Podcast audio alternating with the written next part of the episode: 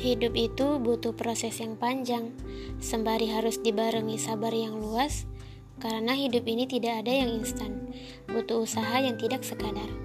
Kalaupun belum menemui titik keberhasilan, bukan berarti kita mesti berhenti berjuang. Namanya juga berjuang, tidak selalu tepat sasaran. Terkadang Allah berikan kerikil-kerikil di jalan untuk membuat kita semakin tertantang, semakin bersemangat untuk menyelesaikan misi dalam pertarungan. Kalau jatuh, maka pilihannya bangkit lagi. Kalau terluka, maka pilihannya segera pulihkan kembali.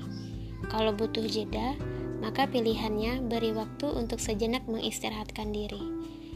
Dalam hidup ini tidak ada yang memaksa kita untuk ini dan itu. Namun, sering kali Keegoisanlah yang menjadikan kita lupa untuk senantiasa bersyukur. Bahkan, mau memilih jalan yang keliru hingga Allah murka padamu. Bermimpi itu perkara yang harus, namun jangan membuat keimanan kita justru tergerus hingga akhirnya memilih jalan yang salah arus. Tidak semuanya harus sekarang. Harapan menjadi kenyataan. Semua itu ada waktunya kita hanya diminta untuk senantiasa menjaga sabar dalam pinta. Impian terbaik itu adalah saat mimpi itu menjadikan kita lebih baik. Di saat mengusahakannya, Allah selalu kita libatkan keberadaannya. Ketika mencapainya, tidak membuat kita semakin tamak dan merendahkan yang lainnya. Tidak apa-apa kalau harus bersakit-sakit dari sekarang, kalau harus berlelah-lelah dari sekarang.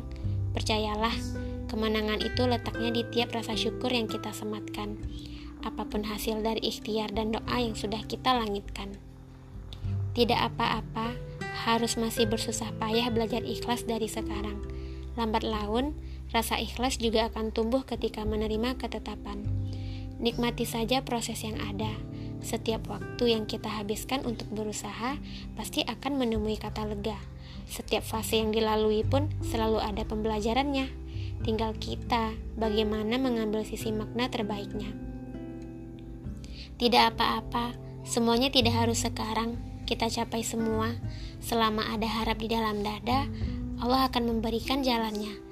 Semoga kita senantiasa menjaga ikhtiar, sabar, dan usaha ya.